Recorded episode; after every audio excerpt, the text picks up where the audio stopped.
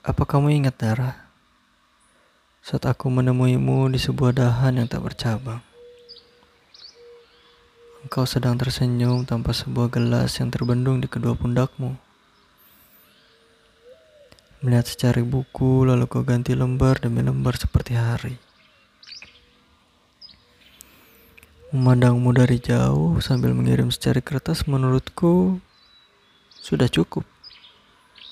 Tapi dulu, sampai sebuah bisikan hasrat menggoyahkan niatku sampai teraduk akal dan rasa.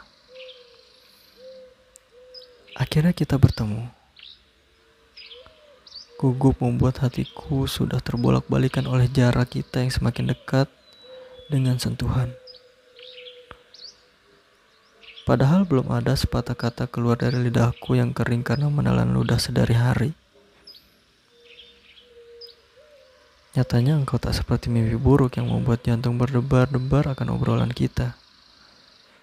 Mengalir seperti air pegunungan yang dingin namun segar. Hingga pertemuan adalah kebiasaan bagi kita.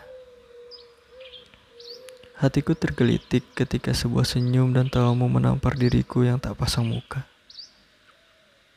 Hehehe, ini ya yang namanya jatuh cinta. Seperti kata dongeng yang kubaca saat-saat mau menutup mata. Dan kini Tali rasa sudah terhubung tak kasat mata di antara kita. Mungkin siang adalah kebahagiaan bagi pertemuan kita, Dara. Tapi setiap malam adalah ujian bagiku. Bahwa aku adalah orang yang disandra waktu. Sebenarnya kebahagiaan adalah obat bius untukku sebelum tersadar bahwa pundak ini masih berat.